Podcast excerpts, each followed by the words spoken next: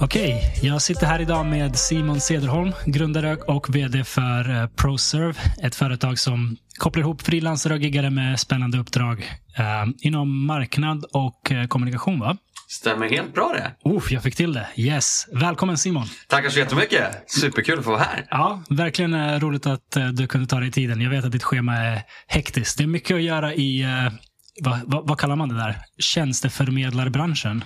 Absolut. Det och gigvärlden. Vi rör oss ju eh, med framåt helt enkelt i den världen. Att fler blir nyfikna och fler, fler vill höra hur det funkar, hur man jobbar och så vidare. Ja. Vad, vad tror du det beror på? Gig är ju verkligen ett ord som har exploderat de senaste åren. Eh, vad, vad har hänt? Eller varför har det blivit så stort? Eh, Men det som vi kan se från pandemin det är ju att fler vill jobba mer på distans. Man vill känna ett annat ägandeskap. Man vill känna någonting mer än att bara gå till ett jobb, leverera och få sin lön. M- Man, man vill göra det som hjärtat liksom säger att man ska göra lite mera. Okej, så om, om vi skulle definiera gig, det är alltså att som egen ehm, antingen ha en enskild firma eller ett eget bolag och ta uppdrag av, måste det vara så eller kan man, kan man vara någon annan typ av giggare? Ja, men, och det är en jättebra fråga. Jag får alltid frågan, eh, vad är skillnaden på en giggare, frilansare och konsult om vi Ja. börjar där. Ja. Eh, läser vi beskrivningar så säger man att en konsult tar större uppdrag, en frilansare tar fler uppdrag, Mhm. en giggare tar fler uppdrag på distans. Eh, för oss och för mig på ProServe och våra team, vi ser att det egentligen inte är någon skillnad. För idag jobbar alla på distans Ja. på något sätt. Eh, vi som har jobbat ihop, du och jag Joshi, vi har ju bara setts på distans nästan. När Ja. vi har tagit större uppdrag och mindre uppdrag. Så är frågan, är du en frilansare eller giggare? Eller en konsult? Det är egentligen bara ord i mina, i, i mina öron om man säger så. Men för att besvara på den frågan. Det beror nog, alltså gigekonomin beror på för att, ja, som sagt, man vill ha frihet, ägandeskap Ja. och man vill ha variation. Man Ja. vill kunna ta flera uppdrag vill många. Eller ett större under en viss period. Men man vet att det finns ett slutdatum på det. Okej. Ja, det- nu när du sa det, jag, jag hade inte ens tänkt på det, men du och jag jobbade ihop.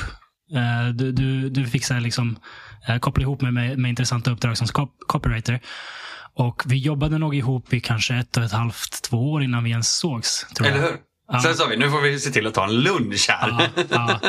Gud, det, det är så bisarrt. Det är så bisarrt att man, man kan liksom bygga sig en karriär och nästan aldrig träffa människor. Ja. Jag vet Det- inte om det är en bra sak. Det, det är lite knäppt. Ja men det är ju det och jag tror att vi måste vänja oss med det. Eh, Att man måste kunna göra det. Ja. Sen så har man ju de här stora diskussionerna. Man vill komma tillbaka mer till kontorstider Mm. för att det flödar kreativitet. En del vill gå ifrån det. Alltså det, det är ju som jag snackade med en kollega häromdagen. Det är en pendel. Vi har gått från att sitta 100% till kontoret till att bli 100% digitala. Ja. Nu är pendeln på väg tillbaka. Och kanske lite för mycket för det finns, vi ser många stora bolag som tar tillbaka Ja. personal väldigt, väldigt mycket. Så jag tror vi kommer landa någonstans i mitten där. Men om jag får ställa en fråga till dig då. Ja, självklart. Eh, hur anser du dig vara? Är du en frilansare, giggare eller en konsult? Vad, vad känner du dig trygg i att bli benämnd med? Det är en bra fråga. Jag, jag tror jag främst beskriver mig själv som egenföretagare. Ehm, jag, startade mitt, jag, jag startade mitt bolag för att få göra det jag tycker om, vilket är skriva. Jag, jag har inte liksom, det är inte så att jag eh, alltid velat starta eget, alltid velat vara giggare eller frilans eller något sånt. Utan eftersom jag hade pluggat någonting helt annat, jag, jag utbildad ingenjör, så visste jag att ska jag skriva så måste jag göra det på egen hand, för ingen kommer anställa mig för att göra det. Ehm, så det är bara därför jag startade mitt, mitt företag. Eh, Och sen har jag hittat kunder på lite olika sätt och jag antar att de är gig, skulle man väl säga. De, de uppdrag jag har haft. Men eh, frilansare har jag nog skrivit att jag är. Frilansande copywriter har jag skrivit att jag är någonstans. Ehm, Och jag kallar dig konsult för vissa också. Så att, eh, Ja. det, det är väl en blandning av allihopa. Ja, men konsult känns nästan som när, när man är inne på ett uppdrag. På ett Ah. lä- längre uppdrag. Då, men man tillhör inte det bolaget. Då är man konsult. Det, så, den, den bilden har jag i huvudet, men jag kanske har fel där. Eh, Jag tror inte det finns något rätt eller fel i den frågan. Det är därför jag ställer frågan. Som jag sa, våran och ProServes eh, syn på det Ja, är ju att vi, vi gör ingen skillnad på det. För att det Mm. handlar om att du tar uppdrag och sen om du är anställd. Eh, eller om du egentligen alltså blir anställd på flera olika bolag. Ja. Eller om du är egenföretagare i form av enskild firma. Eller om du är, har ett aktiebolag. Eller om du fakturerar via någon av de här Ja. faktureringstjänsterna. Egentligen spelar kanske inte det så stor roll. Nej. Det är ju mer eller mindre formalia och hur du gillar att redovisa det du, det du tjänar och det du jobbar för. ja, ja. Eh, jag tror inte att man ska landa i, liksom, i den ja. De, definitionsskillnaden egentligen för Ja. mycket. Ja, men då är jag med. Men ehm, ja, det, har ju, det har ju blivit mer och mer av det. Ehm, jag, jag hörde en så jävla rolig grej, eller rolig på ett så här mörkt sätt. En snubbe i Tyskland som jobbade eh, hemifrån som programmerare och outsourcade hela sin karriär till en indier. Mm. Alltså vi snackar 30-40 år. Mm. Har han outsourcat till någon i Indien som tar liksom en tiondel av priset för att göra det Mm. programmeringsarbete som han var anställd för. Han i Indien är nöjd, han i Tyskland är nöjd. Alla, alla äter. Och bolaget är nöjda. Uppenbarligen. Han har jobbat där i 30-40 år liksom, så Mm. de har inte varit missnöjda i alla fall. Nej. Ehm, det är en udda grej. Och det är ju en av de utmaningarna vi ser den digita- digitaliseringen som utvecklas i det. Mm. Samtidigt som att jag behöver inte se det som, en, som ett problem egentligen heller. Det beror ju helt på vad man har kommit överens om. Exakt. Eh, det är bara att gå in och kolla på de projekten vi har kört, kört tillsammans. Där har vi ju en klausul att ja, men det är du som ska leverera det. Exakt. Och det är ju för att vi har lovat kunden i slutändan att det är du som ska göra det också. För att kunden Ja. har köpt tjänster av dig. Ja. Eh, men det är intressant det där som du lyfter. Hur man kan jobba med mycket underkonsulter för underkonsulter om man Ja, säger ja, ja. så. Det, det är nu jag ska avslöja. Det är därför jag har eh, bjudit in dig hit. För jag har outsourcat allt jag har gjort till... Nej, jag bara. Det det är bra att våra kunder inte lyssnar, eller? Nej, det, det, jag, det är helt otroligt att man vågar göra en sån sak. Men kommer man undan med det så lär man ju bli sugen på mer antar jag. ja men så är det ju. Ja. Och då kommer du ju överbelasta din egna tid, fast det är ju inte din Ja. egna tid heller. Men eh, ja, då Det- kanske man inte gillar det man gör heller fullt ut. För det är väl lite det som vi försöker promota också. Att Ja. Varför tar folk steget från en en trygg heltidsanställning till att bli egen och frilansa och ta gig och uppdrag. Ja. Jo men det handlar ju oftast om att du brinner så extremt mycket för någonting. Ditt exempel är så klockrent Joshi tycker jag. Med att vara pluggat ingenjör, det är tungt, det är liksom, du kommer in på en produkt och ett varumärke och sen, men vadå kan jag tjäna pengar på att skriva texter? Ja. Det är ju fantastiskt. Eh, och då är, det, då är det ju det som är din specialitet i det du levererar i det. Eh, så att jag, det är lite så här, den frågan man kan säga, varför blir man då egen i den också? Ja, ja. Nej, men det är skitkul. Jag, det var ju det jag sagt vid flera tillfällen. Att det var det bästa beslutet jag har tagit i mitt liv. Att, att säga upp mig där jag var och eh, starta eget inom skrivande. Liksom. Det var verkligen en passion som råkade bli en karriär. Mm. Eh, så det är skitkul. Eh, Men eh, nu, nu kommer vi in på mig väldigt mycket här. Jag, vill- jag vill höra lite, lite mer om dig. Eh, Du är född och uppväxt här i Stockholmsområdet om jag inte minns fel. Strängnäs. Strängnäs. Ja, okej. Eh, Du växte upp i Strängnäs, eller? Ja, Eh, Det är en eh, liten stad utanför Stockholm, eller hur? jajamän. Mina föräldrar har lite vänner där, så jag vet att de åker dit då och då. Men jag, jag själv har inte varit där. Eh, hur länge bodde du i Strängnäs? Eh, jag flyttade dit när jag var ett och sen så flyttade jag därifrån när, eh, ja vad var jag, 19, eh, 19 år tror jag. Okej, ja men nästan eh, hela unga åren då. Vad, vad, eh, vad minns du av Strängnäs? Hur, hur var det? Strängnäs är en väldigt speciell stad, eller speciell på ett bra sätt kan jag tycka. Eh, Strängnäs är en fin stad, sommarstad som eh, blommar upp och blir väldigt aktiv och så på sommaren och vinterhalvåret så dör den, som många andra fina städer i Sverige. Ja. Eh, det som, jag, när jag tittar tillbaka på det så är jag också väldigt tacksam för att jag har växt upp där. Ja. För att man har någonstans fått eh, vidga sina vyer att eh, du behöver inte bara umgås med de som är i samma ålder. Eh, du, jag har alltid haft ett driv att vilja komma vidare och lära sig nya spännande människor som har gillat företagsamhet, entreprenörskap, försäljning och den biten. Ja, då blev det att man fick eh, umgås med någon som var lite äldre och nu någon som kanske är lite yngre och Ja. så vidare. Eh, så det blev en salig blandning av människor skulle jag säga. Ja. Och även i skolans värld eh, under uppväxten. Att en del siktade på, ja men jag ska plugga vidare och bli advokat medan en del var väl, ville bli elektriker. Ja. Vilket är så fantastiskt fin skillnad i det. Mm. Som jag kan höra idag eh, kanske inte är lika stor i, i större städer. Då blir det mer att ja, men vi alla ska plugga vidare. Om det är ekonomi, juridik eller vad det är kanske inte Mm. Spelar så stor roll. Medan det blir sådana kontraster i det. Mm. Så att man, och det är jättefint att ha de typen av vännerna fortfarande. Mm, mm. Intressant. Du, du nämnde att du ville ha liksom vänner som håller på med företagande. Hur tidigt kände du att företagande är någonting för dig? Eh, oj, vilken bra fråga. Så här, jag var 11 år eh, när mina föräldrar och vi flyttade till ett nytt hus. Min brorsa hade ett sommarjobb eh, och mina föräldrar skulle renovera det huset.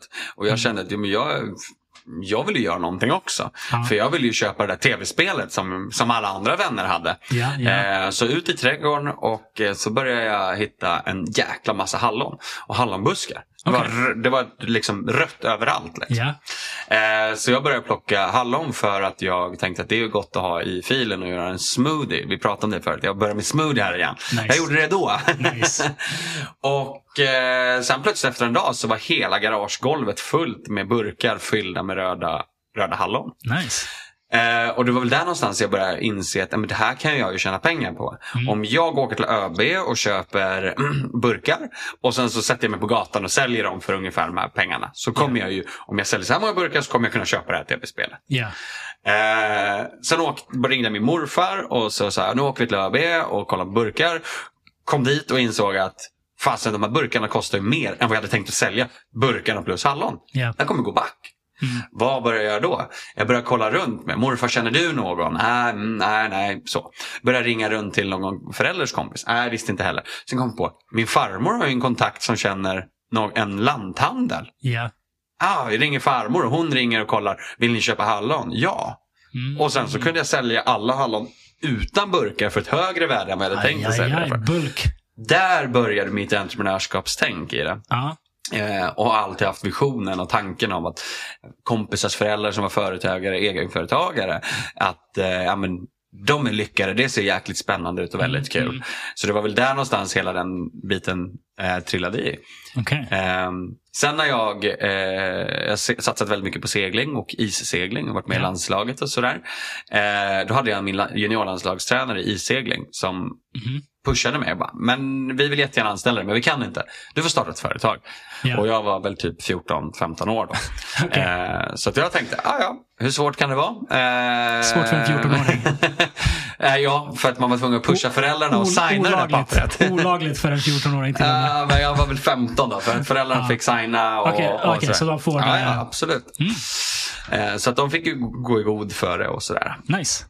Så att där någonstans kom nästa veva av det. Ja. Så att när jag tittar tillbaka på det så är det väl Hallon-verksamheten som har sett den här möjligheten i det. Sen har det byggt vidare med att jag har köpt och sålt bilar och sådär. Men just Ja. för, alltså starta företag, det var, det var tack vare min, min vän idag, Hans, Ja. eh, som är typ 85 eller vad han är nu. Som så du seglade med. jajamän. Jag, jag har många uppföljningsfrågor på det du precis berättade. men först vill jag veta, vilket tv-spel var det du, du siktade på? Det var det första Guitar Hero. Nice. Jajamän. Fick du till ett eh, Guitar Hero? Jajamän. Blev du expert? Nej, det blev jag inte. För problemet är att jag är vänsterhänt. Jag hade ju gitarren upp och ner. Ah. ja, då, då är det svårt. Då är det svårt, jag förstår. Um, Okej, innan vi fortsätter med företagande blir jag lite nyfiken på issegling. Vad exakt är issegling för någonting? Det är, kan man säga, du har segel och mast som på en båt. Ja, Men eh, du har det på en, två plankor kan man säga med skridskor. Så Okej. seglar du uppe på isen. Så det är en av världens snabbaste sporter som icke är motordrivande. Så du, du åker eh, någon form av vindskridskor på isen? Ja, du ligger på en bå- liten båt kan man säga som är på isen. Så ligger du i den. Eh, Okej, det här låter livsfarligt. Det kan det vara. Ja, så det, det är alltså bokstavligt på is. Det är inte, jag, jag tänkte att det här är en segelbåt i Nej. kalla, kalla miljöer, men det är Nej, alltså det är på is. På is. Och var åker man sånt här? Eh, runt om i hela Sverige, Baltikum, Kanada, Mm. USA, Ryssland och så vidare. Okej, Så att man får åka väldigt mycket där isen är Kul. som bäst. Ja. kul. Vad- och du har åkt runt och representerat Sverige, tyckte jag du sa. Ja, jag har varit med i juniorlandslaget. Fan vad kul. Mm. Hur, eh, hur var det? Fantastiskt roligt. Man har ju fått se platser som man aldrig annars skulle få se. Ja. Eh, Många små byar i Polen, Estland, Lettland, Litauen. eh, Okej. Som man annars inte hade fått möjlighet att se. Jag tänker att man måste ha ganska mycket is för att åka runt på det här, för det går så fort. Absolut, du behöver ju det- några kilometers banor. Så är det. Okej, så det går att få till på en liten sjö i Polen. Liksom. Det är inte... Absolut. Hmm. Coolt. Jag, jag, inte ens, jag tror inte ens jag någonsin sett det här. Jag säger så googla eller gå in på YouTube och sök... Eh, Simon Cederholm. nej, ja, det kan man också göra. Det kommer nog upp någonting. men, men man kan bara säga ice sailing eller någonting Ice så kommer man se eh, Okej. väldigt mycket. Har du ramlat av någon gång? Det har jag gjort. Hur, hur har det gått? Du är ju här. Så Jag är här och eh, det har gått eh, peppa peppar väldigt, väldigt bra.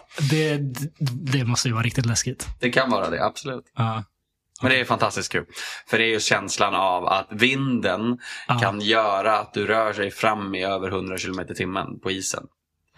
Fy fan alltså. Mm. Det, det, ja.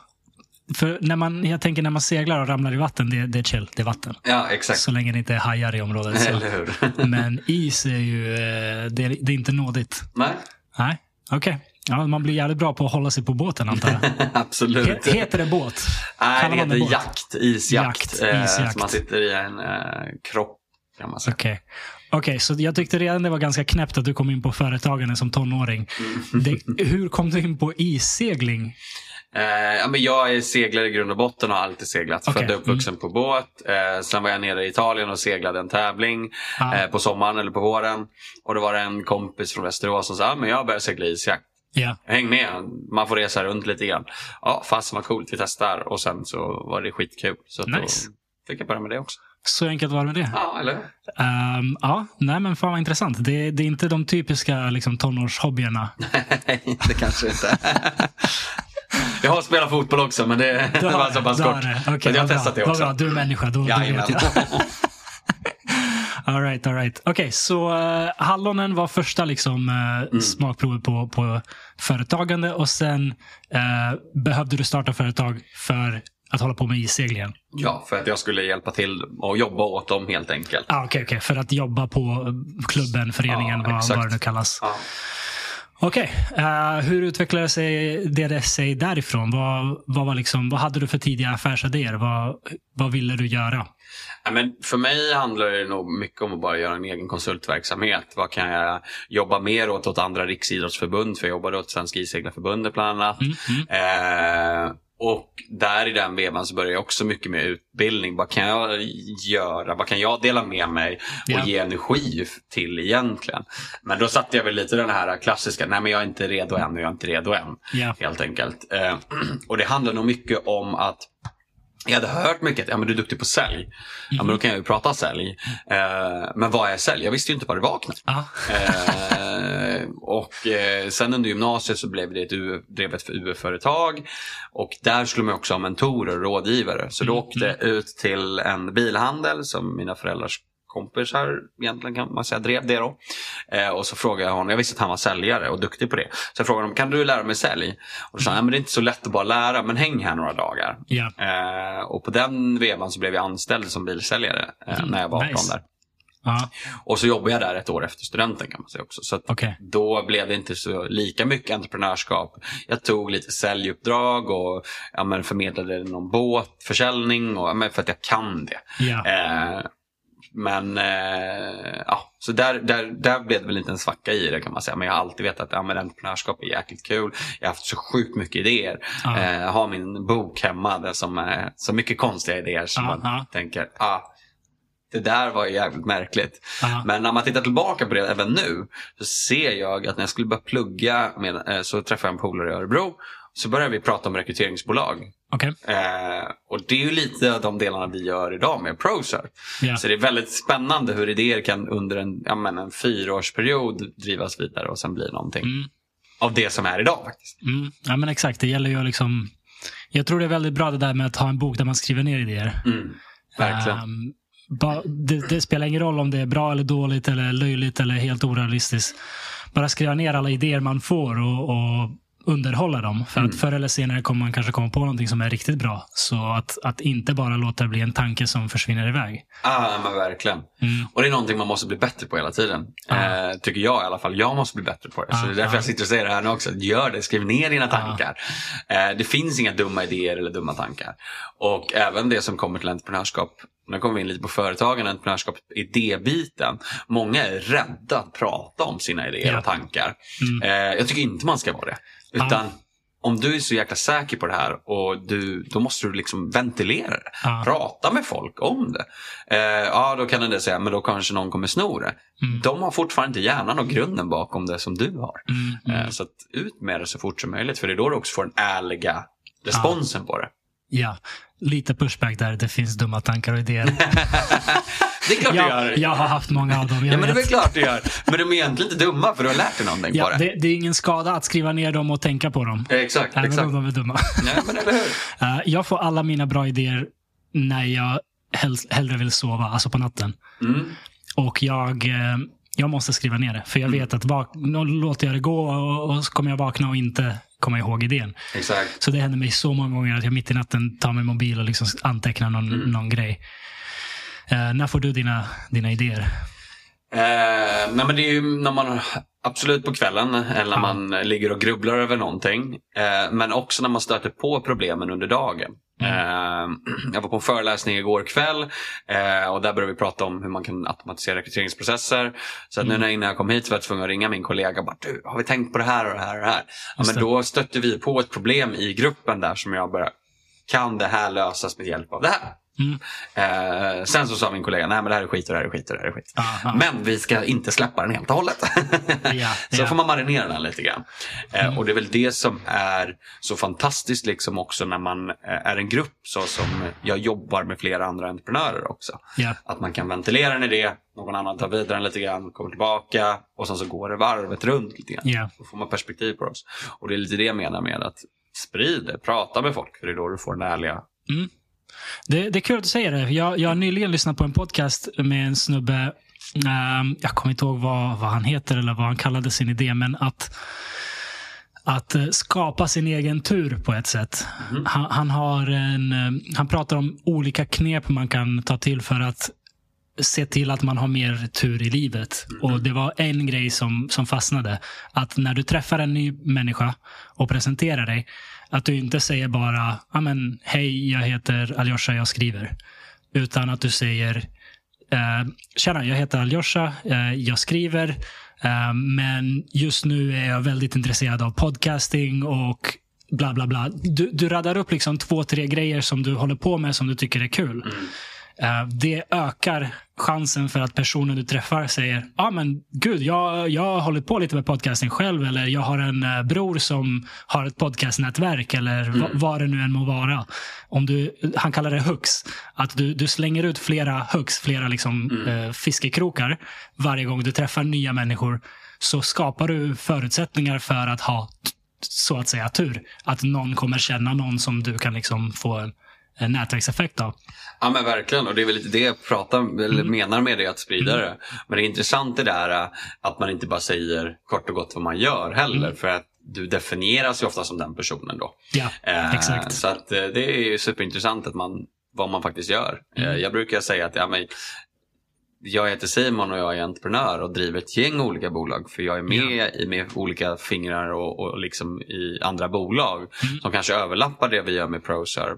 Eh, för att man vet aldrig riktigt när det Ja. När det kan är det, här, är det här någonting som är liksom naturligt för dig och alltid har varit det? Eller har du också ja, men, hört någon prata om det eller läst någon bok och, och, och implementerat det i ditt tillvägagångssätt? Eh, att vad menar du då? Ja, men att slänga ut sådana här hooks och, och liksom sprida ordet om vad du håller på med för att bygga en nätverkseffekt. Men det är nog något som har kommit väldigt naturligt för att jag gillar att träffa människor. Eh, och gillar att prata med, om idéer och tankar och allting i det. Ja. Eh, så det har nog kommit väldigt naturligt.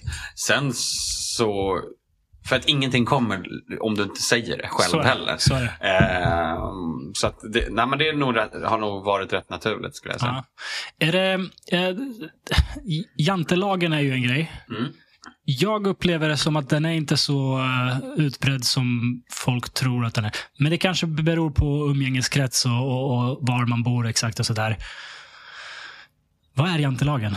Finns det en sån grej i Sverige? Ehm. Bra fråga. Ja, men det är väl klart det kan eller så här, svenskar skulle jag väl, om man ska bara generalisera så gillar vi också att sätta saker i fack. Mm. Och sätta topics på det och rubriker. Yeah. Eh, och då är ju jantelagen en sån del i det. Så att ja, det skulle jag väl säga att det finns eh, till en viss del. För att folk har börjat leva efter det för att det är någon som har börjat prata om det. Yeah. Så att, ja, absolut. Och vad är det då? Nej, men det handlar väl om att man inte kan se för stor framgång hos någon annan skulle jag säga. Mm. Eh, jag är en sån som säger ja till allt nästan. Mm. Eh, och då kan man, då kan man säga, ja, men hur, får du platt, hur får du tid med allting? Yeah. Ja, men jag tycker det är så kul att träffa människor. Vi sitter här idag, du frågade mig, vill du vara med på min podcast? Jag tvivlade inte en mm. sekund. För jag sa, mm. fasen vad kul att vara med. Jag lär mig någonting av att sitta här och prata med dig också. Yeah. Eh, jag och min eh, delägare, vi träffar hur mycket företagare, entreprenörer, säljare som helst. För vi vet att vi har någon annan affärsidé som kommer komma upp. Yeah. Och hittar vi rätt person, för vi vet att det är en akilleshäl att hitta rätt person och vara med och driva det bolaget. Yeah. Då säger vi bara ja. Eh, om det är en annan investerare eller någon annan entreprenör eller någonting som säger att ja, men jag vill ha bollarna idén eller sådär. Yeah. Ja men säg ja, ta en 20 minuters kaffe. Mm. Eh, så att det skulle jag säga kopplat till det är att en del vågar inte, eller tar inte den möjligheten eller ser inte det här möjligheten att kanske hjälpa den andra personen för att vad gynnar det mig? Mm. Måste det gynna dig i dagsläget? Nej. Jag vet inte. Intressant. Intressant. Um, har du alltid varit så social och, och utåtriktad? Ja, det får jag nog säga att jag har varit. Du har det? ja. Okej. Okay. Jag har verkligen gått um, en berg och dalbana i liksom hur utåtagerande jag har varit. Jag var superintrovert som barn. Mm.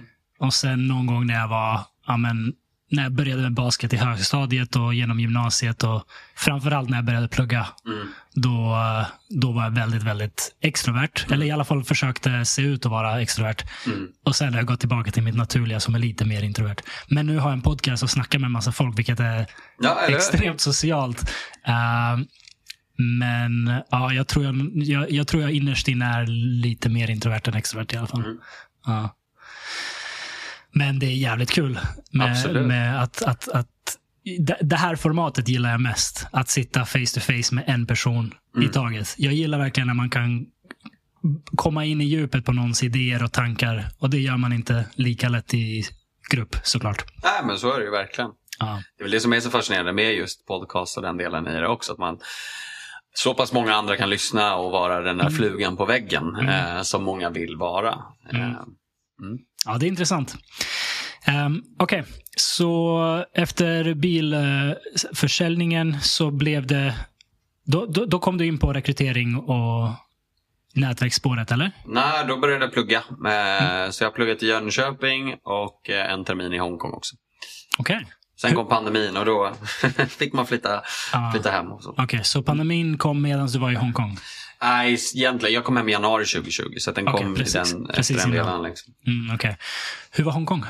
Eh, det var ju superfantastiskt. En eh, sjukt häftig stad. Ah. Eh, jag var där under hösten 2019 eh, och då som många av oss kanske vet så var ja. det lite politisk kalabalik där får vi väl ändå säga. Mm. Eh, men eh, så att vi fick jag fick dra därifrån helt enkelt för att det var så oroligt. Okej, okay, så det var det, därför du behövde dra, för att det var oroligt? Ja. Okej. Okay. Ja, var du, liksom, såg du mycket av dig själv? Var du i närheten av de stora demonstrationerna? Eller? Ja, så det var mitt universitet där jag pluggade som de tog över som oh, the, big, the big base liksom, okay. Eh, och campusen ja. där. Eh, så att absolut, man gick runt på gatan där de hade byggt, eh, murat upp tegelstenar som bockar så inte bilar skulle kunna köra. Ja. Man fick akta så man inte klev sig i så här spikmattor typ och sånt saker som de hade byggt själva. Och så där. så att ja, man, man kände att man levde. Klarade du dig undan? Och... Absolut. Ja. Det var inga konstigheter. Eh, de, de tog ju folk som hade mörka kläder på sig mycket för det var det som var... Man fick tänka lite på vad man hade på sig lite sådär. Varför, eh, vad menar du med de tog För att de som demonstrerade hade svarta kläder på sig. Eh, svarta ah, t-shirts och okay, svarta byxor. De ja, som i polisen tog ja, folk i svarta kläder?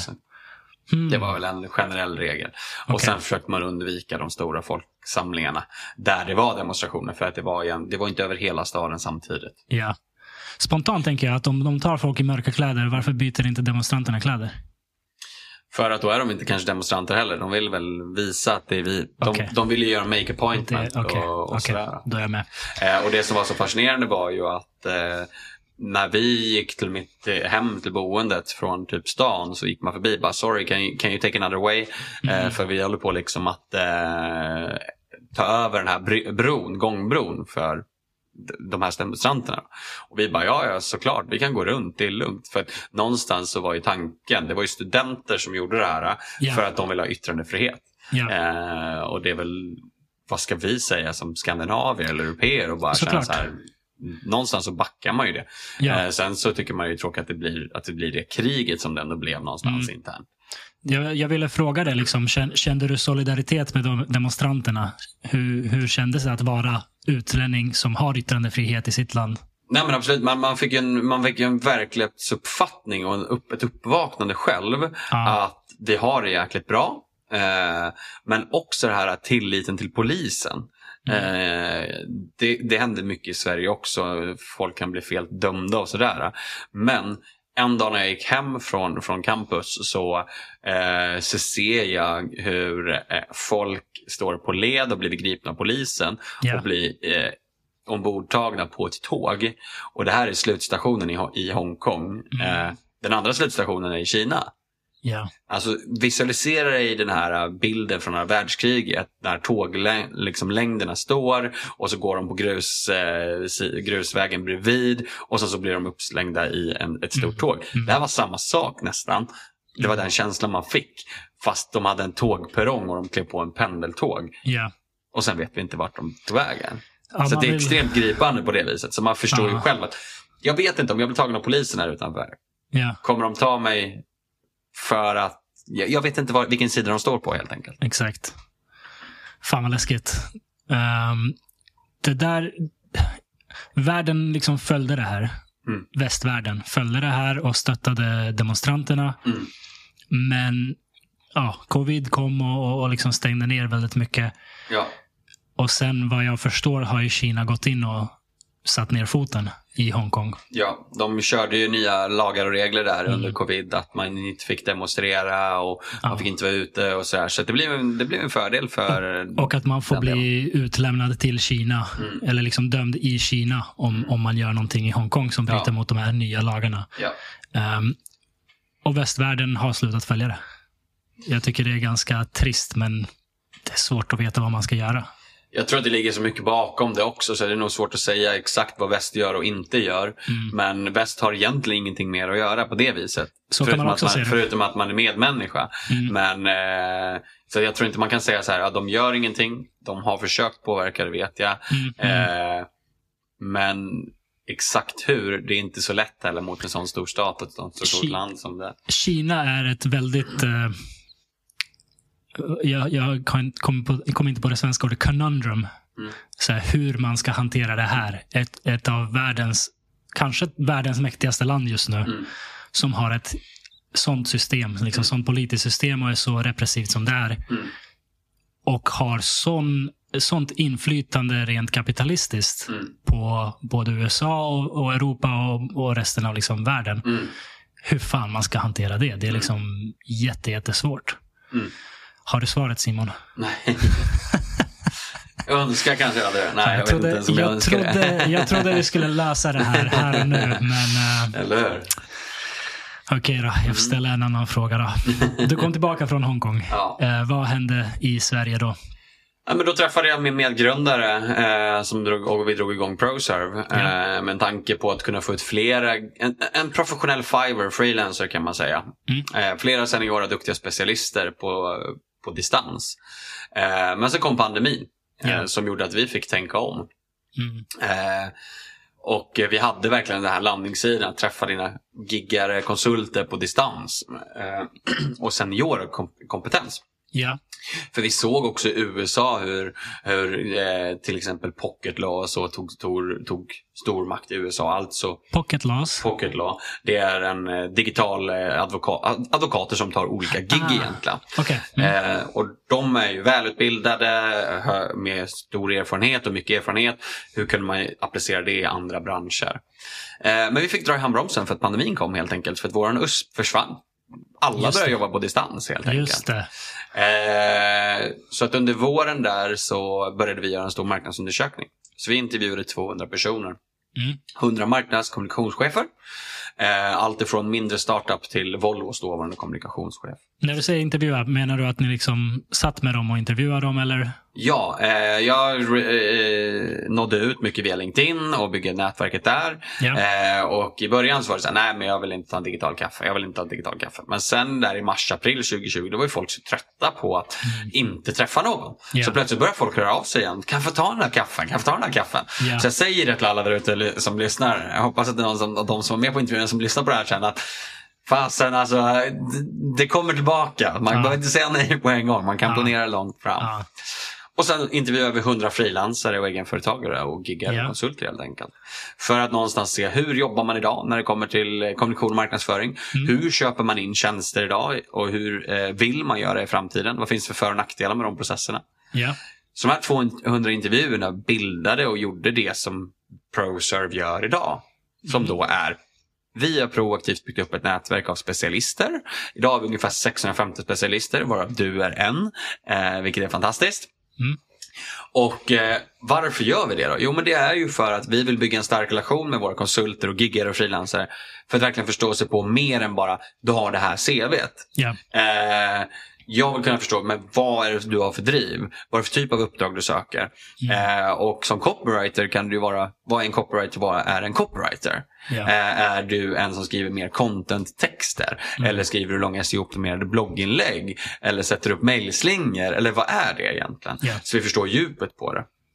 Det är ena delen. Och den andra delen är att vi alltid levererar inom 5 till 10 arbetsdagar. Eh, våran första riktiga affär som blev lite längre var ju fantastiskt fint.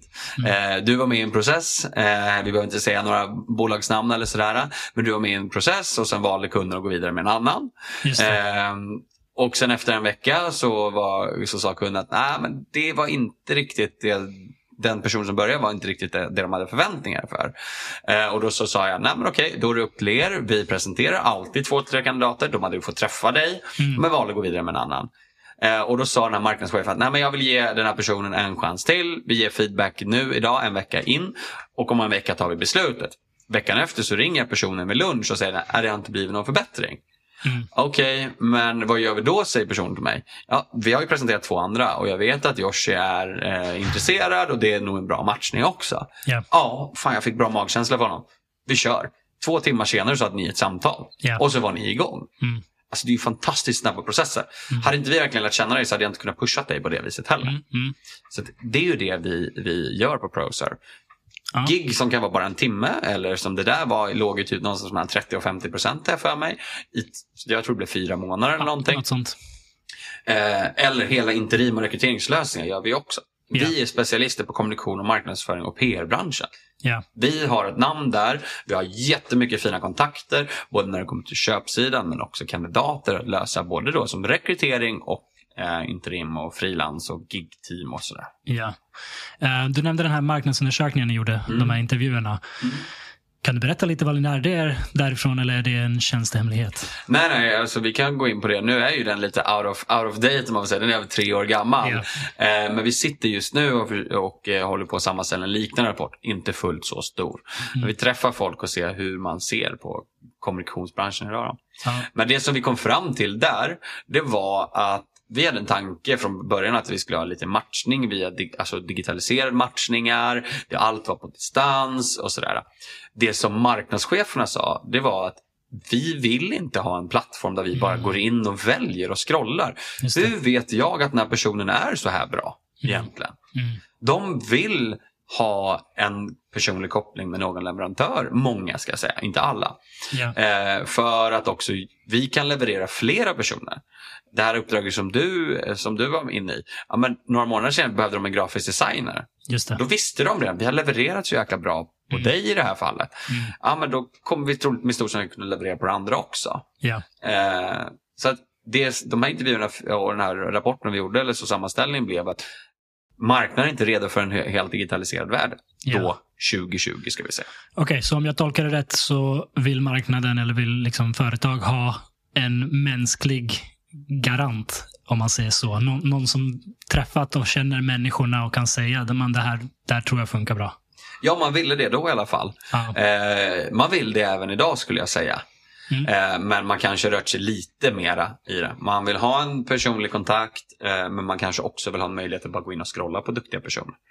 Eh, Tror, eh, menar du att du tror att det har gått mer åt att man är mer bekväm med att bara gå och scrolla, göra det digitalt? ja. Hmm. Jag skulle tro att det har gått åt andra hållet. Mm. ja, det skulle inte jag säga. Nej? Eh, och det handlar ju mer om, det kan nog handla i våran resa vi gör också. Att man har byggt upp en relation. Det här är bra leverantörer, det här är bra personer vi jobbar med. Vi vet att de har ett jäkla bra nätverk. Och de har levererat tidigare till många fina bolag.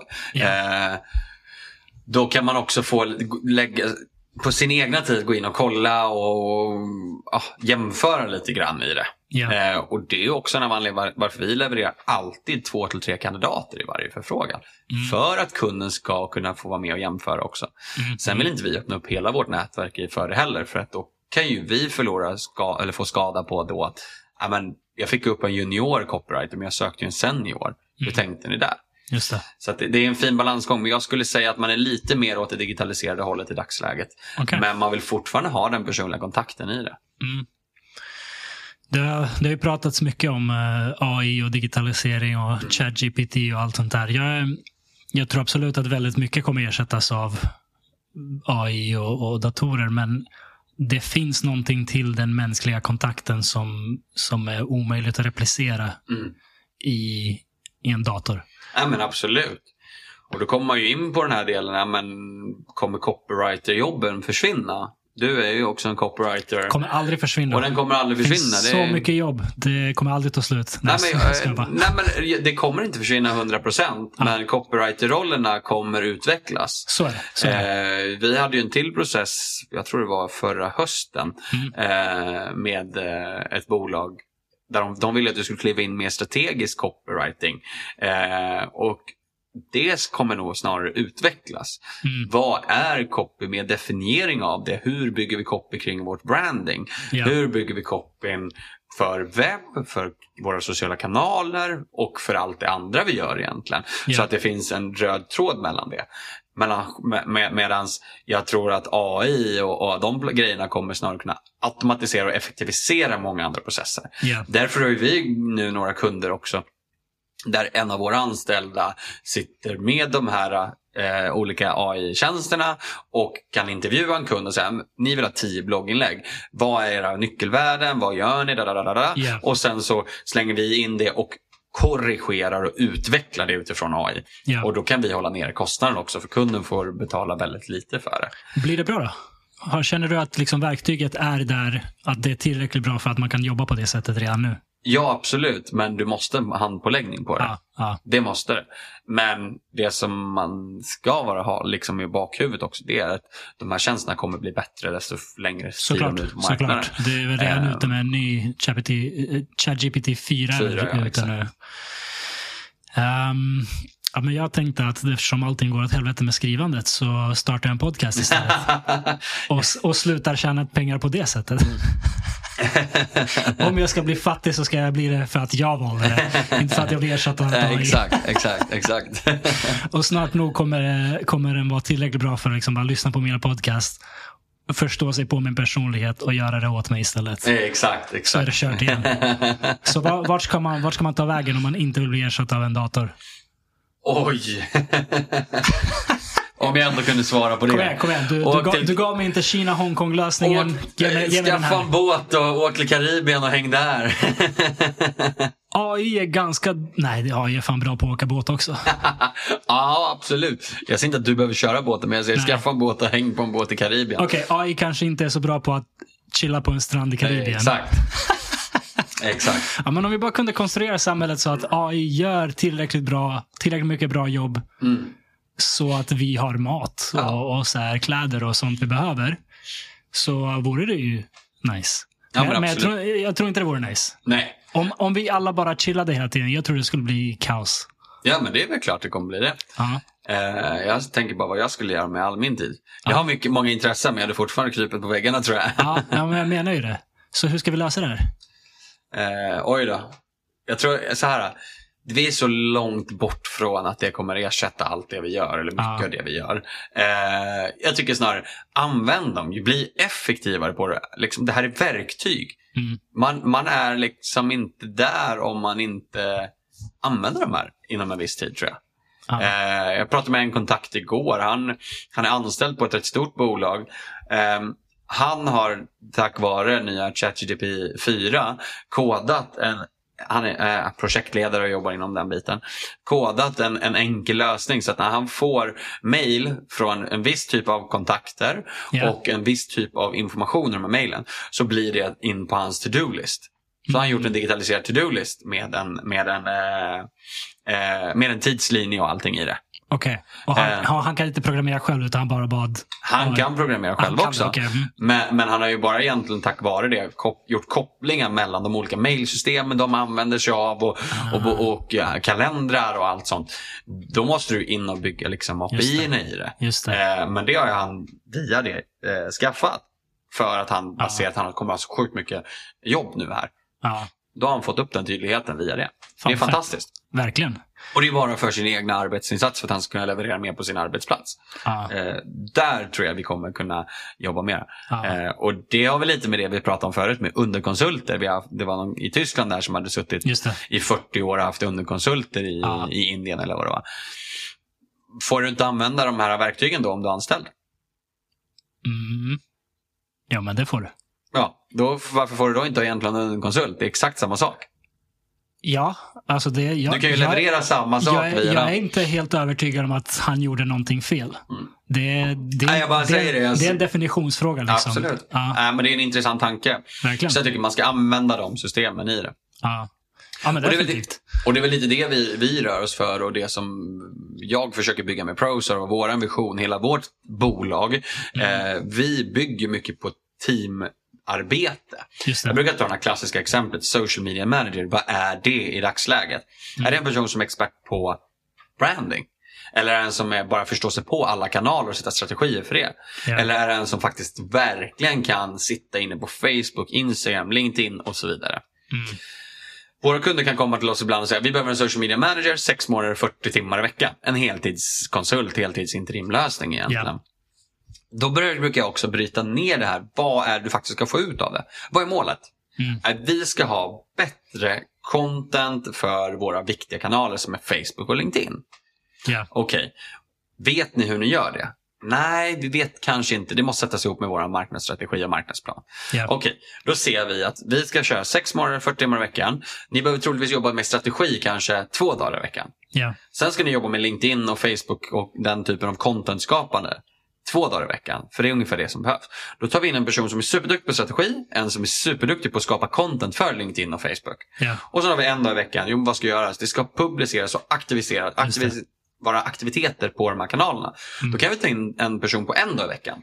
Så de här tre personerna har bildat ett team på 40 timmar istället. Som våra kunder kan ha under sitt tak. Ja. Då har det blivit en förlängd arm och du får faktiskt en högre kompetens. Precis så som du är duktig på Josh, du är sjukt duktig på copy. Ja, ja men då är det ju det du skulle kliva in i, i det här arbetet. Du ska inte kanske sitta med strategiarbete hur vi bygger branding. Du är superduktig på copy och man sätter strategin för det och skapar det. Ja, men då kanske det är det du ska göra. Mm. Sen har man en annan person som gör någonting annat. Ja. Så att, jag tror att det här har också en, en utveckling med kopplingar med de här AI-verktygen man jobbar med. Det här är också ett nytt sätt att arbeta. Just det. För det som vi, du får en person som är du, extremt duktig på det den, det den är bra på. Jag tror vi rör oss mot ett mer specialistsamhälle. Mm. Eh, men du kommer också då kunna få andra kompetenser som du kanske inte annars får om du bara tar in en person. Mm. Och du får högre kvalitet på det. Ja. Eh, Du sa något intressant där. Vi rör oss mer mot ett specialistsamhälle. Man hör också att ehm, folk kommer få utbilda om sig oftare i och med att det är så mycket förändring och, och att AI blir bättre och, och så vidare. Mm. Är det här två, um, vad ska man säga, kan båda stämma samtidigt? Eller Absolut. motsäga? Ja, hur då? Ja, men alltså, om du har utbildat dig till copywriter eh, och sen så vad säger vi då att eh, de här AI-tjänsterna löser att du inte behöver skapa lika mycket. Ja. Eh, då kommer vi få till slut ett överflöd av copywriters. Mm. Nu tror jag kanske inte att vi kommer få det på, på, på rätt lång tid. Men att vi får det säger vi. Ja. Det är klart, vad ska du göra då? Äh, du, du sadlar om att bli en eh, podcast-host och bygger det. Ja, men då kanske du måste faktiskt förstå den tekniska biten, hur du spelar in podcast, hur du bygger upp det.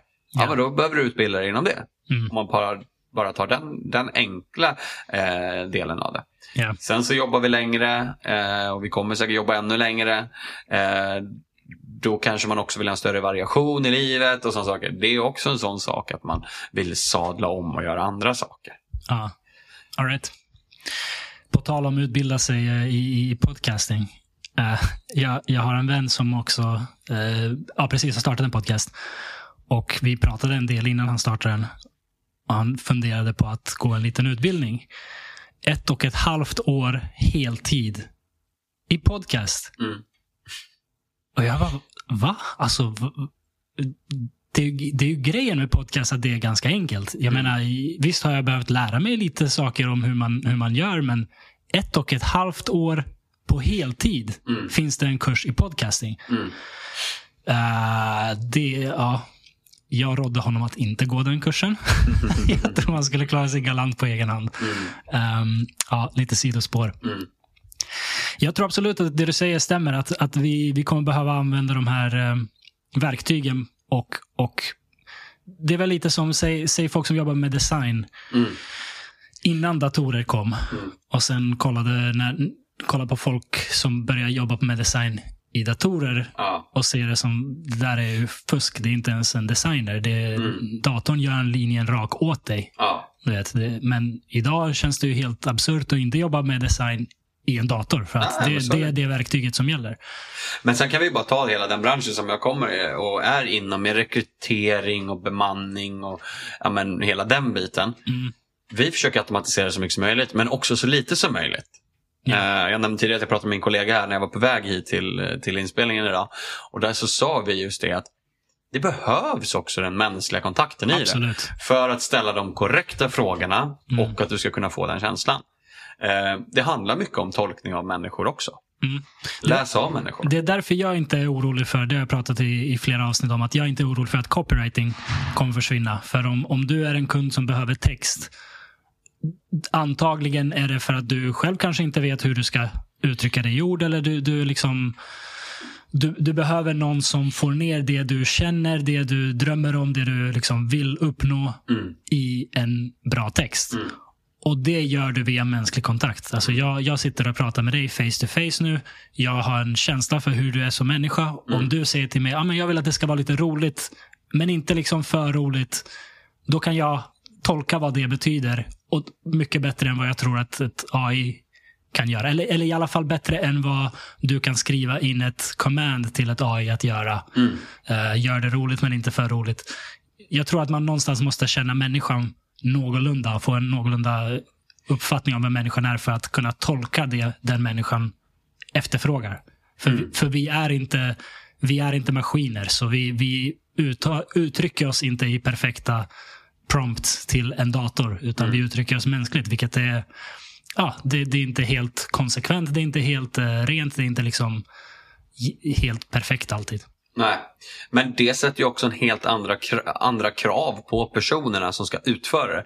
Ja. Och det är därför jag också tror att vi rör oss mer mot ett specialistsamhälle. Mm. För att eh, vi kan ta rekryteringsbranschen som ett exempel. Det finns extremt många som jobbar med det där ute. Men jag ser inte extremt många som är sjukt duktiga på det. Ja. Eh, jag har en kollega, han är så otroligt duktig på att läsa av människor. Mm, mm. Eh, att just lägga frågan, vad är det du söker? Jag hör av mig till dig proaktivt, precis som vi bygger upp vårt nätverk proaktivt.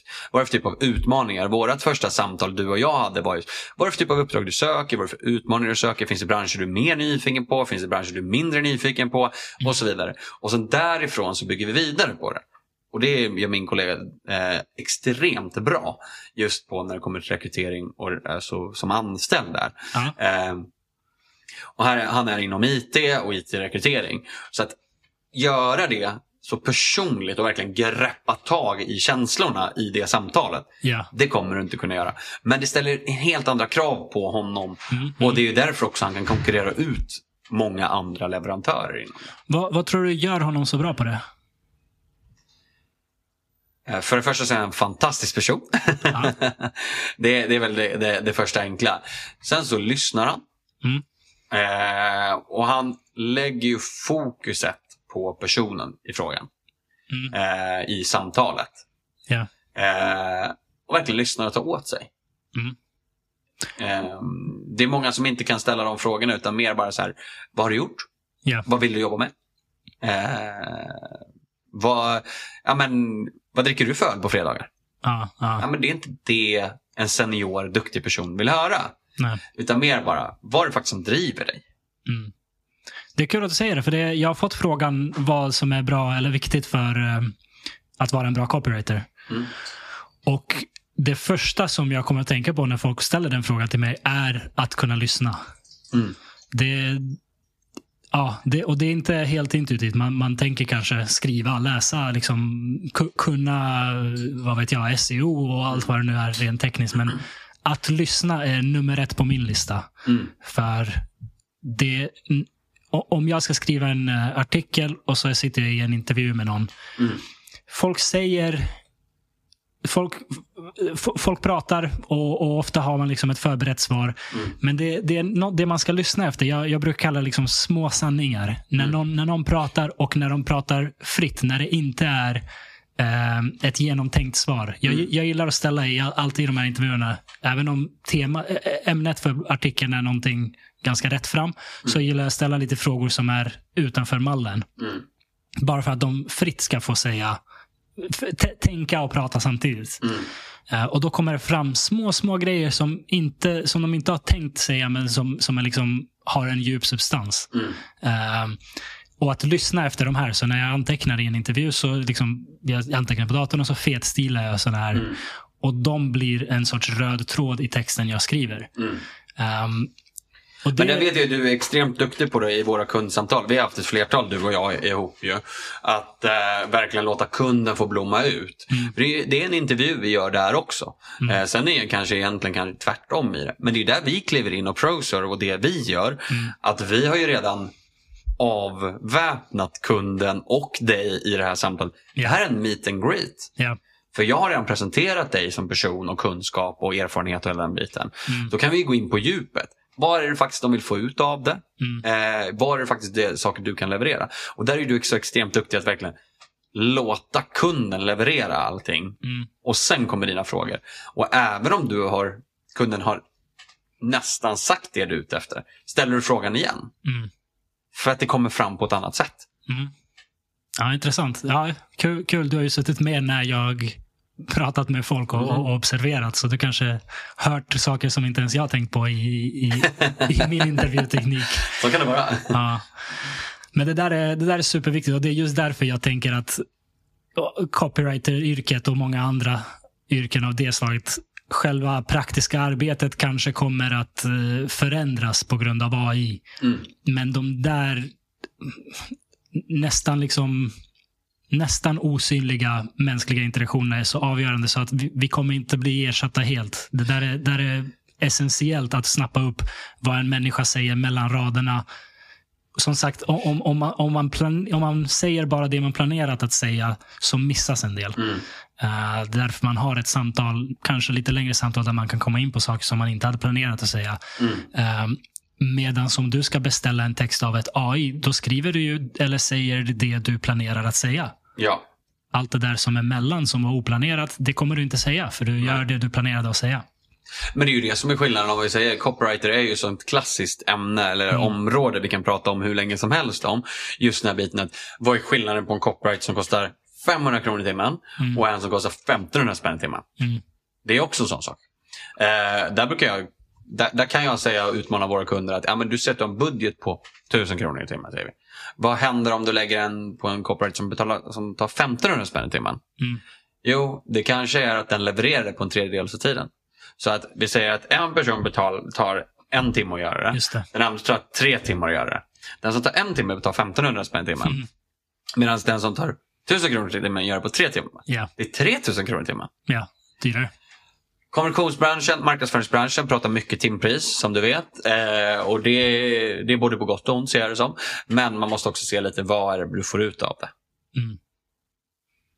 Så, Ja. Mm. Det är intressanta tider. Ja, verkligen. Det är det. Eh, det är väl i vilken bransch man än är i, tänker Ja. jag. Eh, och det kan vi gå in på lite också, tänker jag, hur kommunikation och marknadsföringsbranschen utvecklas nu. Mm. Eh, med tanke på det som händer i omvärlden och vi ser varsel och vi ser omorganisationer, ska jag säga, framför allt. Ja. Så är ju oftast marknad och kommunikation ett område som man gör störst förändringar i, i, i kristider, skulle jag säga. Eh, vi ser många som får gå från sina jobb eh, och sådär. Men jag tror också att det kommer öppna upp en marknad. Vi har flera stora bolag som gör av sig med alla konsulter eh, Ja. och man gör stora förändringar internt. Och eh, då, då blir det som att det blir fritt fall för alla konsultbolag och alla konsulter. Nej, det finns inga uppdrag. Wow, wow, wow. Men det är ju bara egentligen vilken typ av bolag det är och branscher och så. här, För alla branscher går ju inte dåligt. Nej. Men det kommer ju också öppna upp nya möjligheter och nya vägar att komma in på spännande bolag som inte har satt fulla strukturer och så ännu. Även fast det är ett stort bolag som har haft en struktur och så gör man en förändring. Mm. Då kommer man ju också kunna gasa in med helt nya perspektiv i kanske samma bolag ett halvår senare. Mm, mm. Så att branschen förändras och utvecklas väldigt, väldigt mycket på det. Det kan jag tänka mig. Ehm, tror du vi lever i en mer eh, spännande och utvecklande och intressant tid än, tidigare eller tror du att varje generation känner likadant? Oj. Eh, jag och min kompis brukar skämta om att eh, fasen, de, våran generation, min han, han är två år äldre än mig. Ja. Vår generation har fan fått allt fel. Ja. Han säger att hans generation, två är li, alltså ålder, är lite värre än min. Alltså, Eh. när, är ni, när är ni födda om jag får fråga? Eh, 95 och 97. 95 och 97? Mm. Eh, och, och det roliga är liksom att eh, ja, vi får uppleva väldigt mycket nu. Och vi kommer kanske inte kunna göra samma bostadskarriärer och sådana saker som våra föräldrar och den generationen har gjort. Mm, mm. Och det tror jag man måste ta höjd för. Men vi lever ju också en helt annan frihet, en öppenhet Mm. och möjligheter som man kanske inte, alltså, inte andra har gjort. Ja, Eh, så att jag skulle säga att vi lever nog i på ett sätt bättre, en bättre värld. ja, Men vi lever också i en värld med högre toppar och lägre dalar. Mm. Eh, och jag tror att så är nog livet för många generellt. mm, mm. Man jämför sig mera. Vilket gör att när man väl lyckas så kommer man upp i euforin och man lever på toppen. Ja, Och sen så när du inte får det du vill ha, då går du verkligen, verkligen ner på botten. ja. Man kanske inte Medan förr, då kanske man inte visste lika mycket. Men bot, toppen, ja men det är rätt jäkla nice nu. Mm, Nu har jag den där. Och botten, ja men det är inte så jättebra. mm. Så topparna och dalarna var lägre Ja. än vad vi lever i idag. Så jag skulle vilja säga att vi lever fortfarande i en bättre värld idag för att det finns mer möjligheter. Mm. Eh, men vi lever kanske också i en tuffare värld Mm. på ett sätt. In, eh, ansvaret hamnar mer på individen idag, känns Ja. det som, än tidigare. På gott och ont. Det är Ja. kan, man, kan man klara sig i det så finns det enorma möjligheter. Ja, ja, ja. Men är man inte liksom av vilken anledning som helst lika bekväm med att klara sig själv i Mm. större utsträckning så tror jag att det är svårare. För det, det, det är inte bara liksom att det, vad heter det, sociala skyddsnät och, och, och sånt demonteras. Det är också att community, det, det, fin, det blir mindre av det.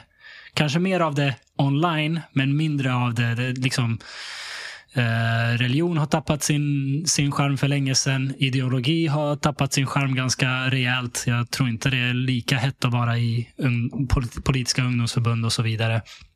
Eh, idrottsverksamhet som tur är är fortfarande Mm. eh, starkt. Men, men det känns som att mycket flyttar online och det finns mindre eh, vad ska man säga, sammanhang för folk. Och att vi ja, gör, gör mindre ungar och, och liksom Mm. det är fler singelhushåll än tidigare och allt vad det nu Hela samhället rör sig i en mer individualiserad riktning, känns det som. Absolut, verkligen. Eh, och därför tror jag att det krävs, ställ, det ställer ju andra krav på dig som individ och som människa i det. Och det är väl någonting för att koppla tillbaka ännu mer vad det vi gör med Proser.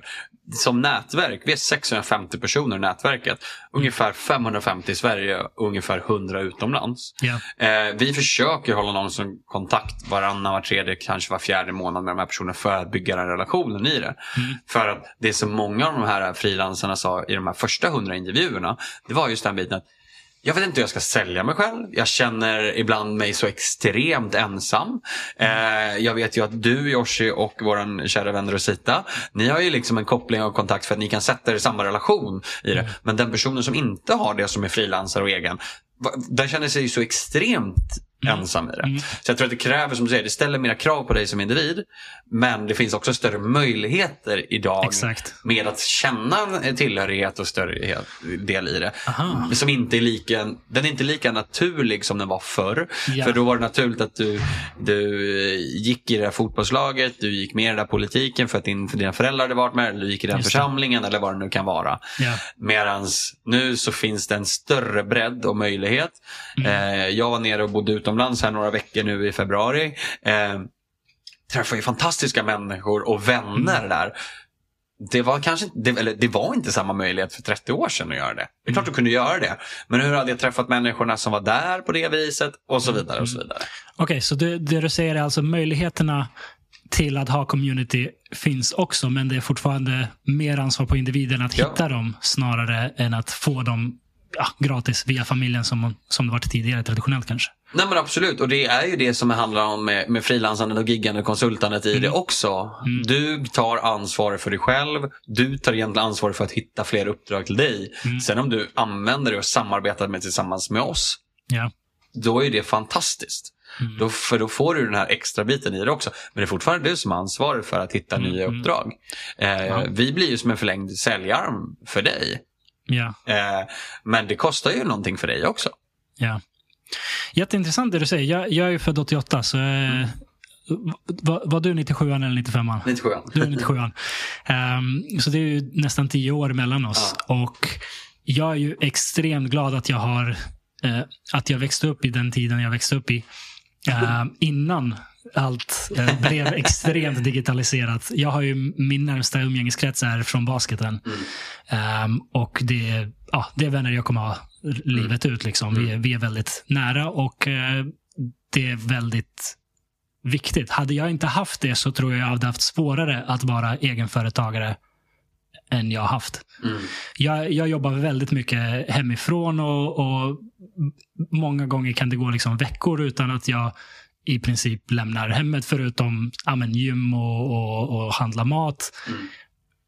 Förutom då mina nära vänner som jag har från det icke-digitala mm. livet som, som är där från tidigare. Mm. Och det, det där är intressant som du säger. Jag tror att jag lever, jag fick nog leva den sista delen av uh. den innan det blev väldigt, väldigt digitaliserat. Yeah. Eh, skulle jag säga. Och jag har mycket äldre vänner så jag har liksom hängt ihop på den delen. Och sen har jag haft ett driv av att träffa folk fysiskt och liksom mm. den, den kopplingen. Jag har ju vänner idag som är mellan 15 och 85 år. Yeah. Eh, jag har flera liksom, nära vänner som är 50-årsåldern. Mm. Eh, och det, där blir det ju mer naturligt att man kanske hänger mer ja, fysiskt som du säger. Så att, jag är också väldigt glad att man fick leva, växa upp i den eran när det inte hade hunnit bli för digitaliserat. Ah. Men jag tror också att det visar ju uppenbarligen möjligheterna till någonting mera. Eh, alltså att det är möjligheterna till att skaffa vänner över hela världen. Yeah. När jag flyttade till Jönköping och pluggade där, då gick det ungefär 40-45 procent av alla på ekonomiska eh, sidan var internationella.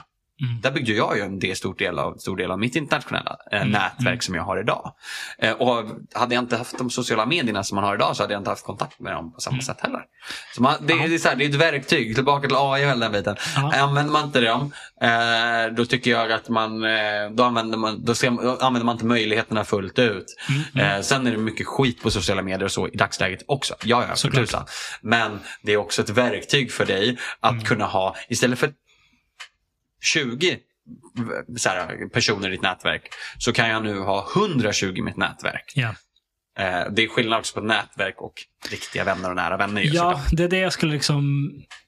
Det du gör, att du du har haft liksom vänner som... Du, du är precis uh, ung, ung, gam, gammal nog att, att ha upplevt liksom lite innan Facebook och Instagram tog över allt.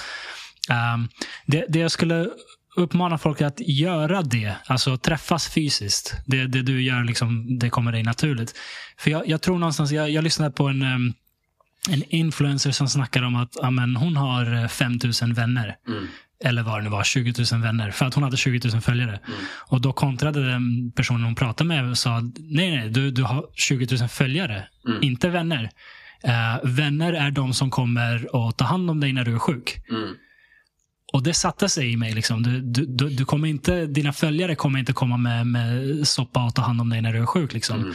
Jag tror att det är extremt viktigt att upprätthålla fysiska relationer. Även om det kan vara så praktiskt att ja, vi tar det på Snapchat. Vi har liksom video, vi har bild, vi har ljud. Det är samma sak. Mm. Det är inte samma sak. Ansträng dig att träffa dina vänner fysiskt för att ni behöver varandra. Ni behöver inte varandra nu när ni är 20 och, och alla mår bra. Men ni kommer behöva varandra när, när saker inte är bra eller när någon mår dåligt. Mm. Och då måste man ha etablerat en fysisk relation. Men jag, jag vet inte om jag eh, är för icke insatt i det. Mm. Att man inte träffas överhuvudtaget. För det har jag aldrig varit med om. Nej. Och eh, när vänner och familjemedlemmar och så har jag som är yngre också skulle jag säga. Det är inte så att man väljer bort det fysiska. Nej. Utan jag ser ju snarare det här som ett verktyg. Eh, när jag reste runt mycket och bodde utomlands i Hongkong och sådär. Alltså jag kunde ju snappa eh, mina föräldrar, min dåvarande flickvän och bara så här, fan ni har ju varit här med ja. mig på ett annat ja. sätt. Eh, nu när jag bodde utomlands så var det en kompis, vi hade inte setts på länge. Bara, Fast vi kör en digital AV. Mm. Vi satt ju och pimplade en flaska vin var. Bara att han satt i Stockholm och jag satt nere yes. i Spanien. Ja. Alltså, det är ju som jag sa, än en gång, som AI allting. Det är ett verktyg som vi ska Exakt. använda. Mm. Eh, men det ska inte ersätta. Nej. Och det är någonstans det den här jag sa i början, vi har en pendel. Från mm. att man, jag tänker att man har ett snöre och så har man en tyngd eh, eh hängandes i den. Om man börjar högst upp på ena sidan, där har vi till exempel att det är bara fysiskt. Yeah. Och så högst upp när man drar åt andra hållet, då är den bara digital värld. Yeah. Så om man släpper pendeln från den fysiska världen så kommer den slå upp mer mot den digitala världen. Yeah. Och sen kommer den slå tillbaka mot den fysiska världen. Och sen så till slut så kommer den liksom mm. pendla fram och tillbaka. Och sen till slut hittar vi balansen. Mm. Mm.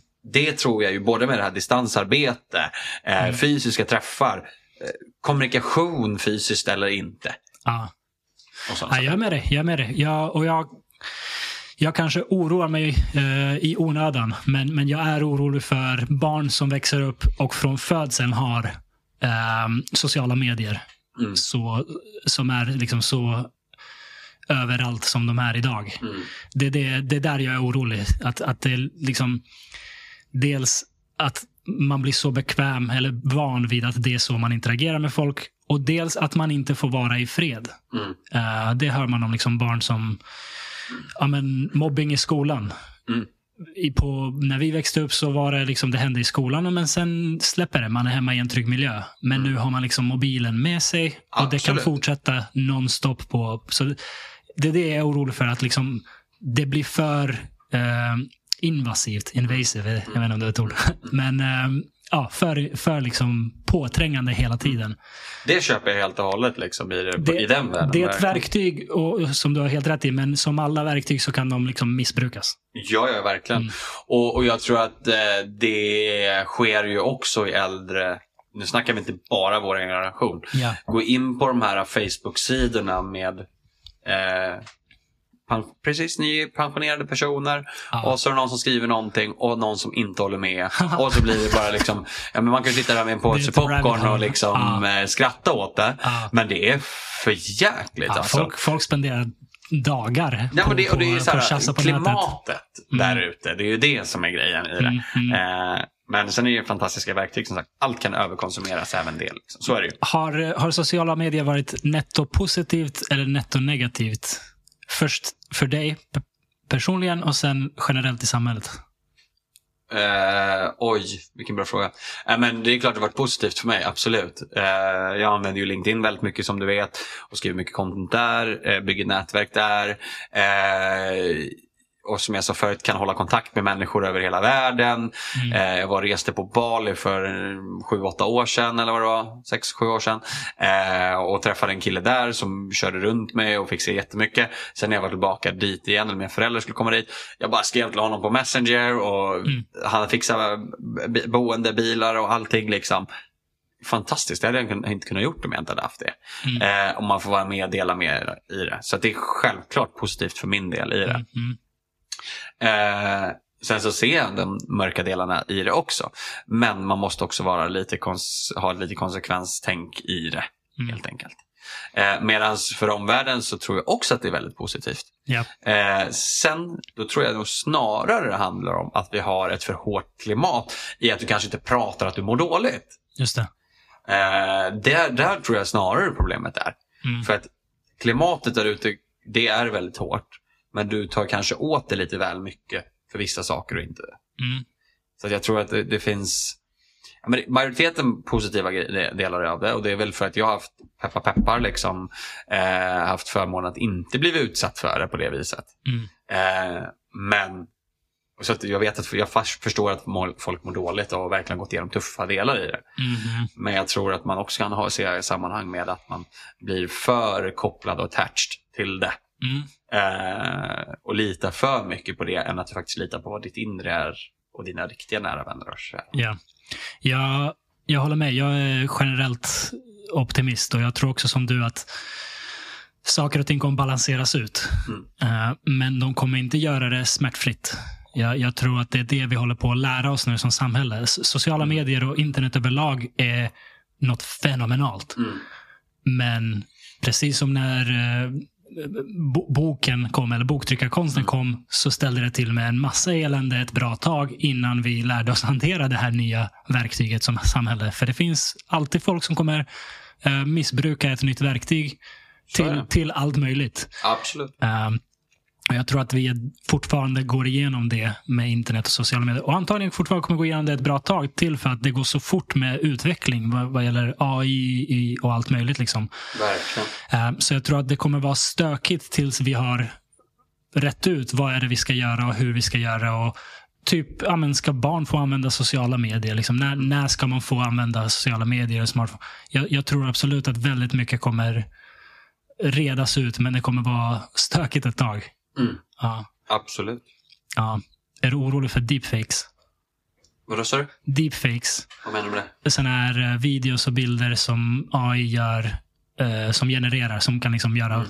vi- videos på att eh, Trump säger nu startar vi krig mot Ryssland eller vad som helst. Eh, det är ju läskigt på ett sätt. Eh, orolig. Både ja och nej.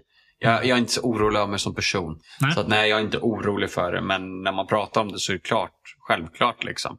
Mm. Eh, att det finns eh, hot av det, eller, Mm. för, för det. Liksom. För det negativa trycket av det. Ja. Men, men nej, inte orolig ska jag inte säga. Hur eh, kommer det sig att du inte är orolig som person?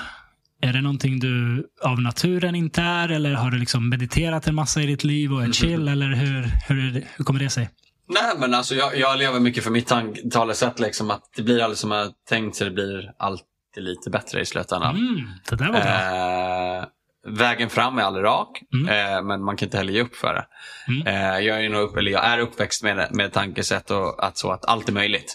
Ja. Eh, och jag har fått höra att det kanske var lite för mycket så, det tankesätt när man var liten. Fast det är fortfarande det som har gjort att man är där man är idag. Mm. Eh, så att nej men eh, det handlar nog om att ett tankesätt. Sen så gräver man ju ner sig själv emellanåt och man bara fasen vad håller man på med och det är skit och där, där, där. Mm. Men det är ju också då man är någonstans i svackan. Jag var på en föreläsning igår eh, där eh, personen hade ritat upp en graf eh, som går egentligen ja, men som en liten banan uppåt kan man säga. Ja. Det var ena grafen och sen då var det relation, liksom, var i livet är du tidsmässigt i förhållandevis till liksom, lycka eller kämp hur kämpigt det är eller sådär. Ja. Det var ena delen. Och sen så hade han gjort en, under den så hade han gjort en, en till graf. Som var som en slingrande orm. Det var upp, det var ner, det var tillbaka, det var upp, det var ner, det var tillbaka, det var framåt och så var det Och sen i slutändan så var de på samma plats. Ja. Vart på sträcken, vilken sträcka är du på? Och vart på sträckan är du på? Ja. Eh, jag tror det var en person av oss 15 som satte sitt, sin punkt på att det var på den här böjda klassiska bananen. Eh, och det är ju fantastiskt liksom, att man kan känna det. Mm. Medan många av oss andra, eller resten av oss andra, satt ju på den här krokiga ormen. Ja. Och lite det när jag menar med det här. Det blir aldrig som man har tänkt sig. Mm. För att man har byggt en vision. Det är så här vi gör, det är dit jag ska. Men när du minst anar det så blir det, händer det någonting annat och så Mm. hamnar du, men du fortsätter jobba framåt och kämpa. Yes. Så det blir alltid lite bättre. Det är kanske är ett väldigt överpositivt sätt att tänka. Men Det är skitbra. det ger ju också den här möjligheten att fasen, det är... Alltså mot, motsatsen, eller alternativet, Mm. Är ju... Det finns ingen poäng med det. Var, varför ska man tänka att det kommer gå helvete vad jag gör? Ja, eller? Eller, eller någonting mittemellan, att det spelar ingen roll vad jag gör, det blir ändå det det blir. Det, Mm. det, ing- det finns så mycket nytta att hämta i att vara positiv och att Mm. tänka att det kan bli bättre. Men det sista, den sista detaljen du sa där på slutet, men man kämpar och, och pushar på. Mm. Den är viktig. Ja. Att inte tro att saker och ting blir bättre av sig själva, naturen, utan man ska ju fortfarande göra jobbet. Det är som du sa så fint där i början när du presenterade dig. Hej, jag heter Josh, jag är copywriter och jag gör det här och det här. Liksom. Ja. Eh, det är ju det du gör. Mm. Där du kämpar på med det du, och du ser också kanske då, de här sakerna du lyfter och är bra på. Det är Ja. kanske någonting du vill bli bättre på. Ja. Eller ser en möjlighet inom. Eh, det är klart du lyfter dem för att då så får jag en helt annan bild av det. Eller får ta med mig det. För att då när jag träffar någon här nästa vecka så bara, just det, Mm. copywriter. Eh, Ja, jag, jag uppskattar det du säger, men när du sa att jag gör podcast och kämpar på. Det här känns inte som att kämpa så hårt. det, det känns nästan äh, äh, taskigt att använda ordet kämpar om det här, för det är för lätt. Liksom. Men, äh, men jag håller med dig. Jag håller med dig. Det, man måste göra saker. Man måste vara aktiv. Mm. Det, det, och det, precis som vi snackade om idéerna i början. Att det måste inte vara världens bästa idé. Mm. Det måste inte vara liksom det, det bästa du någonsin har gjort, men gör saker. Mm. Eh, Det tror jag är så otroligt viktigt. Mm. Positiv inställning och aktiv. Och gör det, det, det, är en bra kombination. Gör det du tycker är kul också. Mm. Eh, jag älskar att träffa människor. Mm. Och Jag sa det innan, jag tror jag hade 15 möten eller någonting igår, eller samtal. Eh, ja, det är jättetufft. Det är, det är liksom mycket. Det är Ja. jättemycket. Ja. Eh, kanske lite för mycket ibland. Men det är också fantastiskt kul att få träffa människor. Allt ifrån kunder till konsulter, till andra leverantörer, till vad det nu kan vara. Ja. Eh, bara för att få inspiration och bara få, ett, eh, få, få, liksom få perspektiv och lära sig nya saker. Ja. Eh, och De här samtalen kommer troligtvis ge nya perspektiv för mig som jag kan utveckla det som ProServe är idag, det vi gör eller någonting annat. Liksom. Ja. Eh, så att, där, där, där är jag ju väldigt tacksam att jag är en sån person som gillar att vara ute bland folk, snacka med folk och så. Ja. Eh, jag är extremt ex, extrovert på det. Mm, mm. Eh, Och har alltid varit det. ja. Jag sprang runt på båtklubben och Ja. snackade med gubbarna och, och, sådär gjorde jag när jag var liten. Så Ja. att, eh, absolut, det har alltid varit. Och jag kan ju träffa många som är väldigt extrovert, extroverta så här Mm. eh, utåt i sitt professionella och så blir de extremt introverta Ja. Ja. eh, i sitt privata. Och där skulle jag nog säga att jag är inte där heller. Mm. Sen så tror jag jag kan vara i det privata lite mer tillbakadragen, men jag är inte introvert. Nej. Om du skulle ge eh, ett par tips till liksom up and coming entreprenörer, folk Mm. som, som vill göra någonting eget, som vill utvecklas, som vill liksom pusha sig själva. Vad, vad skulle du ge dem för tips? Eh, ja, men, sh- testa. Mm. Testa i små skala. Eh, det behöver inte vara så stort att starta ett bolag faktiskt. Mm. Eh, du behöver kanske inte starta ett bolag det första du gör heller. Testa idén i en liten skala med, på sidan av när du gör någonting annat. Det är liksom det första. Mm. Eh, gör det du tycker är kul. Eh, om du bara lär dig. Jag ser ju så att ProServe kommer bli något jättefint och är någonting jättefint idag. Men jag kan se om 5-10 år så kanske vi är någonting annat. Ja. Men jag är inom branschen, jag lär mig, jag förstår på ett andra sätt. Alltså du ska veta när jag drog igång det i januari 2020 när jag träffade min medgrundare. Mm. Alltså, jag visste inte vad en copywriter var.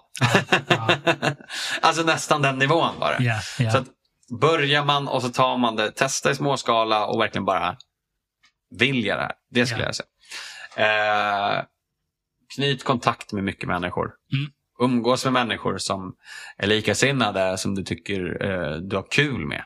Som du kan lära någonting av. Jag gick med i ett unga entreprenörskapsnätverk för drygt ett år sedan, ett halvt år sedan. Bara för att jag kände att nu börjar jag liksom komma till en punkt där mina andra vänner som är entreprenörer, de har ett, två, kanske tre barn. Just det. Det har inte jag. Mm. Eh, vi börjar leva, det handlar inte om att vi lever, lever, olika liv. Vi jobbar på samma sätt och vi hänger på det viset. Men det är också bra att hänga med likasinnade. Alltså mera, okej okay, vi lever lite i samma liv, vi tänker väldigt lika och så. Ja. Um, så det skulle också knyta ett nätverk i alla åldrar och alltså, mm. ja, ett stort nätverk helt enkelt. Grymt. Simon, du är en fascinerande människa. Jag är väldigt tacksam över att du tog dig tiden från ditt hektiska schema att sitta och snacka med mig här en stund. Underbart. Um, om du vill skicka folk någonstans som lyssnar till uh, ProServe, hemsidor eller sociala medier eller någonting du skulle vilja rikta folks uppmärksamhet på? Mm. Jag vill komma i kontakt med andra entreprenörer såklart också. Mm. Eh, men ProServe, vi vill komma i kontakt med både duktiga frilansare och konsulter inom PR, kommunikation och marknadsföring. Mm. Men också bolag som är mindre till stora som kanske inte har en marknadsavdelning eller har en marknadsavdelning och känner så här ja, men vi skulle vilja bara se vad finns det för personer ute, vad är det för kompetens vi kan få. Mm. Så hör av er. Eh, lägg gärna till mig på LinkedIn, där eh, Simon Cederholm. Där har vi ju jättemycket Eh, kommer upp mycket content och kunskap om det.